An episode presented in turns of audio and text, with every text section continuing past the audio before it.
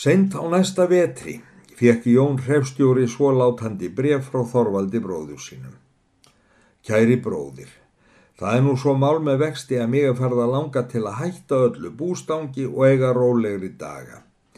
Ellin tekur að beigja mig og ég finn mörg einkenni þess að dagar mínir séu þegar á enda. Það hefur lengi verið ósk mín að ég fengi að deyja undir þínu þakki bróðir og ekst svo löngun mín því meir sem ég finn að ég á stittra ólifað eftir og þar er þér eður þínum tilheyra þessar álnir sem ég barnlaus á, þá er það ósk mín að þú vitir mín á næsta vori. Skal ég þá hafa svo undir búið að þú geti komið mér og mínum með sem hægustu móti norður til þín. Vertu alla tíma sæl, óskar þess bróðir þinn Þorvaldur. P.S. Það hefur kvísast að hér muni verða gefið vel fyrir ull í sumar og af því að ég veit að það er æfinlega hálf leiðinleg verslun hann ekki á ykkur þá ræði ég þér til að koma hér með dálitið af ull þegar þú sækja mig því ég veit að þú átt mikið af henni. Þotn. Nú líður fram á vorið og býst Jón á hóli til að sækja bróður sinn. Hann hefur heilt staðfesta sögu hans að öllaprís væri þar betri en nýrðra og bjóst því við að fara með öllar klifjar á sex hestum. Kristín beiti föður sinna að lofa sér að fara með og var það bæði fyrir þá sök að hún hafði gaman af að koma í ókunnar sveitir og svo vegna þess og það öllu heldur að hún vildi ekki búa undir áleitni vikfúsar meðan fadir hennar væri heimann. Jón leta strax eftir henn og var ferð hennar búin snirtilega bæði að klænaði og reyðtíum. Dægin áður en Jón fór af stað, lág Vigfús upp í rúmi og var í ylluskapi eins og hann kallaði það. Yfir sveikonum úr stínu. Þorbjörg Kettling kom þá inn með miklum þís. Láttu nú líka vel á þér drengum minn. Hérna færðu bref, maðurinn sagði að það væri úr Reykjavík og það er vist frá þessum stóru herrum vinnum þínum sem þú hefur sagt mér frá. Heldur er það vel skrifað og herra Vigfús ertu nefndur utan á því. Þarna sér maður. Vigfús braut upp brefið og leitt strax á undirskriftin og sá að þar stóð grímúlfur. Brefið hljóðaði þannig, góði vinur, seint þykir mér þú koma og hveðja mig og færa mér dalin. Af því að ég hef ekki þurft hans með fyrri, þá hef ég dreyið að skrifa þér, en nú er ég í klípu með skildinga og er líka búin að taka til áns upp á þig fjögur að dala virði. Ég reikna nefninlega með rentu og rentu-rentu af dalnum. Það verða tíu dalir sem ég ætla að byggja þig að senda mér.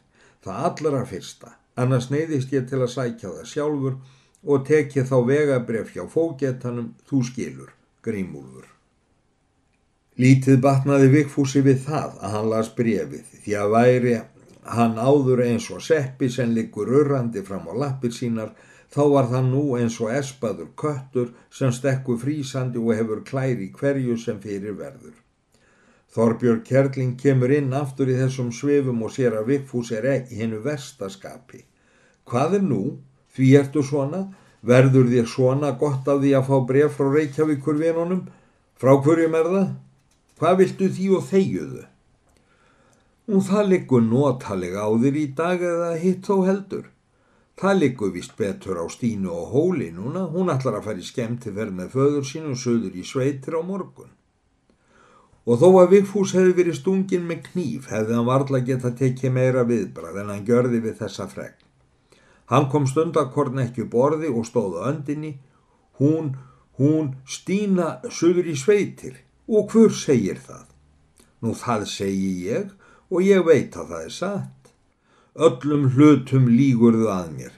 Þú segir hún ætla að egnast við mig, þú segir hún ætli söður í sveitir, þú segir, þú segir, Ég segi að þú skuli líka fara, þú getur gjört þér eitthvað til erindis. Þá kannski og aldrei betur færðu tækifæri til að tala við hana. Ég er að vona þú eigir falleg fött eins og Kristín, því mér er sagt að það eigi nú að duppa hann upp í þessari ferðstúlkuna og þá þart ekki að skammast ín fyrir fólana þína. Það má setja tjöruplástur yfir fleirið á honum hjarp þó hann sé uh, grannur. Það tekur enginn til þess. Það eru góðir reyðhestar oft. Þú getur líka sagt að þú sé trefstjóri hér og þurfi mikið að ríða. Nei, ekki hjálpar það af því að Jón Gamle er með. Segðu það ekki. Ég vona heldin fari af grána þegar þú ferða þennjan á sprettinum og láttu nú sjá að þú komið með stí, stínu á fingrinu þegar þú kemur aftur. Ég meina, ég meina trúlofunar hingja frá henni. Vigfúsi hægðist mikið geðofsinn við predikun kjellingar. Honu síndist þetta hefð mesta óskar áð sem móður hans hafi nokkru sinni gefið honum. Hann tekur því til að búa söndi ferðina og eru nú tekinu upp öll bestu tíin sem til voru sem flest áttu með einhverju móti ætt sína að rekja til Reykjavíkur. Ekki var hægt að neyta því þegar Vigfús stóð svona alls grítur að hann var í fljótu bræði síndist álitlegu maður en þegar farið var að virðan e, til lengdar fyrir sér þá dró heldur úr því. Göngulægi var bísna hrikalegt og skrikkjóttur vöxturinn að því sönnu sterklegur en fjaska óliðlegur, andlitsfallið heldur laglegt og kallmannlegt en svipurinn ekki síður en hýr eður þokkalegur. Og þó bætti það minnst um æga talviðan. Hugsunin var sljó og önug, setningarnar ósaman hangandi og orðfæri bjagað, engum þegar hann var reyður eður við öll. Þau Jón og Kristín urðu nokkru fyrr búin en Vikfús og voru komin tvær bæjarleiðir þegar hann var búin að meðtaka alla lukk og óskir og heilræði móður sinnar. Hann sparaði því ekki að þennja þá mettajarp og haldagrána þanga til hann náði þeim feðginu. Jón á hóli hafði með sér vinnumann sinn er þorður hétt og var hann með lestina spölkorn á undan. Ég kontu sæl Vikfús minn, saði Jón og leitum öxl sér þegar hann heyriði riðið bak við sig. Sælvertu nú, sagði Vigfús og reyndi til að vera svo gladlegur í viðmóti sem hann var hægt og sælvertu Kristín mín.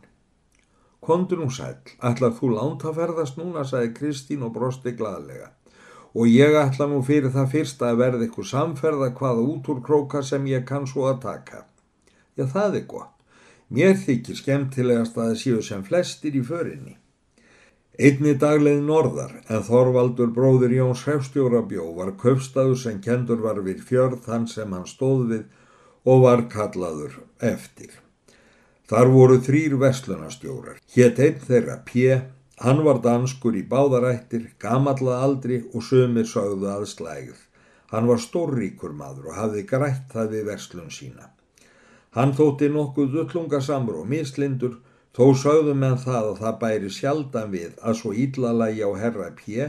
ef ríkismenn komu til hans að hann ekki tæki þeim vel og byði til stofu. Öðru máli var að gegna fátæklinga. Þeir máttu stundum standa hálfan daginn á þeir fengi að tala við hann. Þó að svo stæði á fyrir þeim að þeir mætti ekki missa sig eina stund að heimann og verslun þeirra væri ekki meir en svo að þeim væri nægur hálfur tími til að leggja inn og taka út. Það bar og ekki svo sjaldan við að hann borgaði talsvert miður, pundið af táhreitni ull sem næri snöyðir kotungar ferðunum, heldurinn ull ríkisbændana, þó að það veri tölsvert af mikjukleprum og óþrifa sneplum í henni.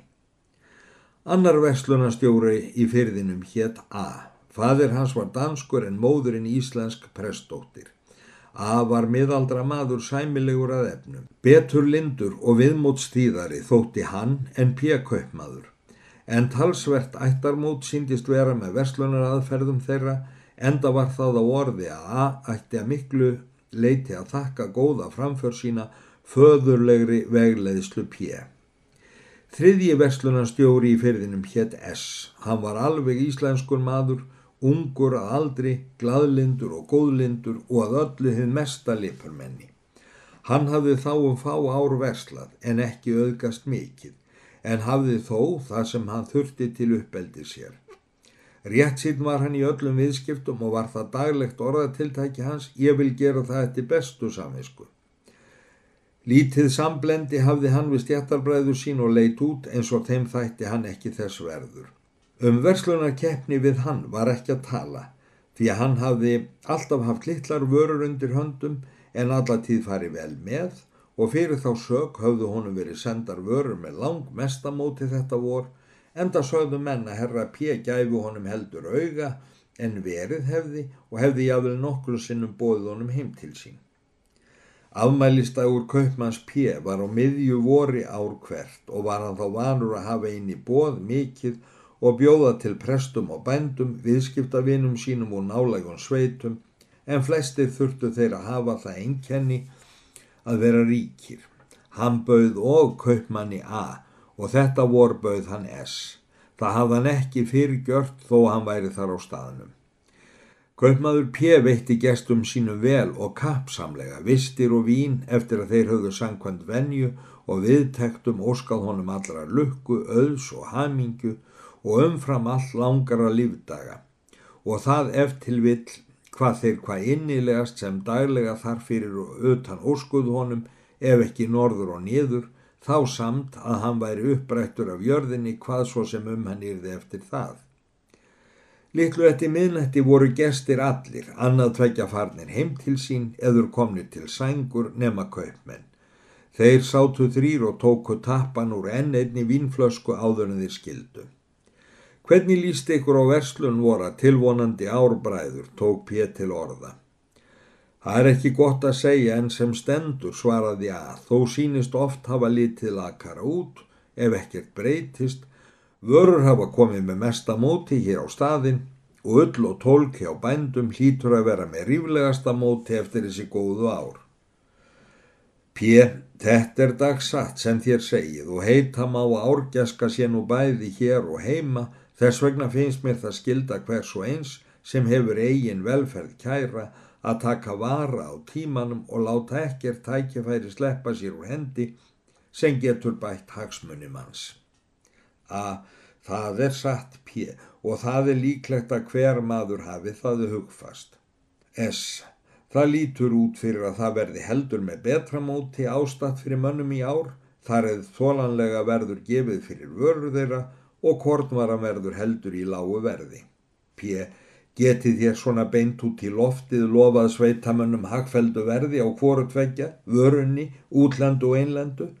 Hvað seljið þér kornið og hvað gefið þér fyrir ullina? S.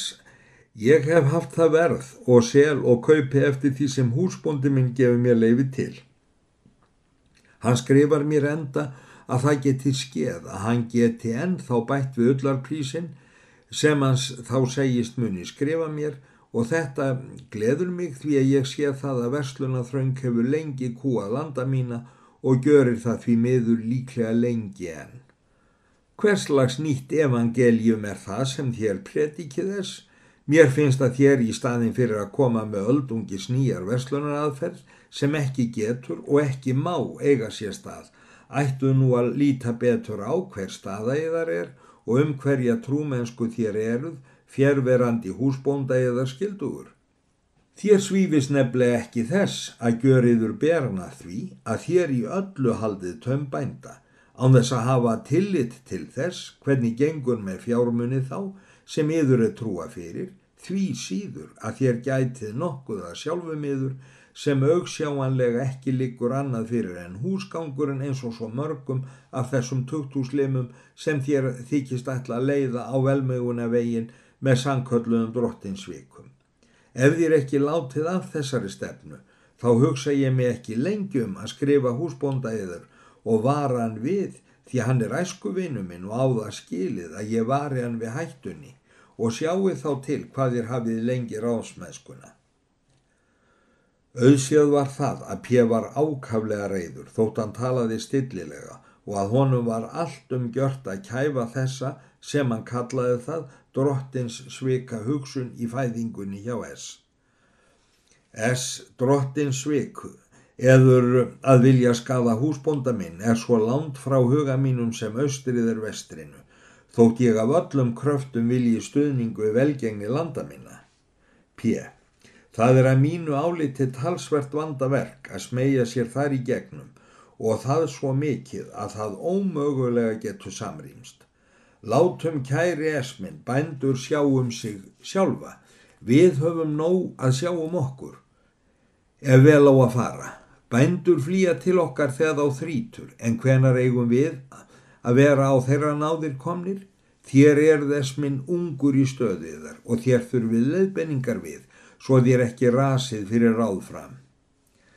Es, það vil ég líka fegin þykja ef einhver vil benda mér til þess sem betur fer, því að ég játa mig skortir bæði þekking og reynslu til að geta haldið í stöðuminni eins og mér ber og ég fegin vildi. A. Það er þá ekki að vegi fyrir yður minn góði S að leita liðveslu hjá herra P í þessum efnum. Það get ég borið um. Ég minnist þess ávalt með þakklæti hvernig hann tók mig að sér þegar ég kom hér og láfið að hlaupa eitt gönu skeið á fætur öðru af reynslu og þekkingaleysi og hefði hann ekki leiðbend mér svo föðurlega hefði ég ekki komist yfir álnar virði þau sem ég á nú, það veit ég þó. S. Ég vildi gjarna verða þáttakandi í því sama af hendi herra P. Því mér er antum að læra sem best að ebla mína og annara velgengni með öllu ærlegu móti. P. Þá hlýtur yfir að vera það auðskilið að það er skilda okkar hvers við annan að hafa einlægni og bræðralag okkar á milli. Trúa hver öðrum og vera trúir hver yfir annars lendarmálum.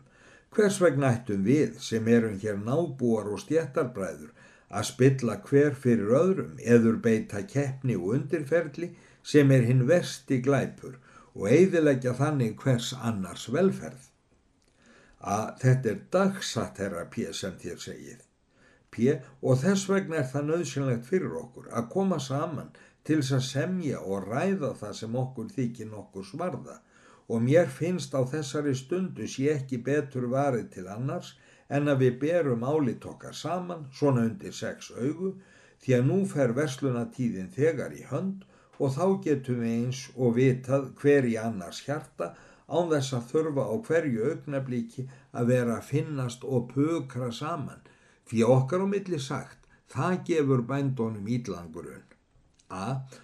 Og hvað er það þá helst sem þér vildu tala um, herra P? P. Ég ætla að bera undir ykkur upp á stungu mína. Ég veit hún er góð ef við erum samtaka en heyriði við skulum fara inn í hinnastofuna Þeir sofa hér uppi yfir gestinnir og þeim kemur okkar tala ekkert við.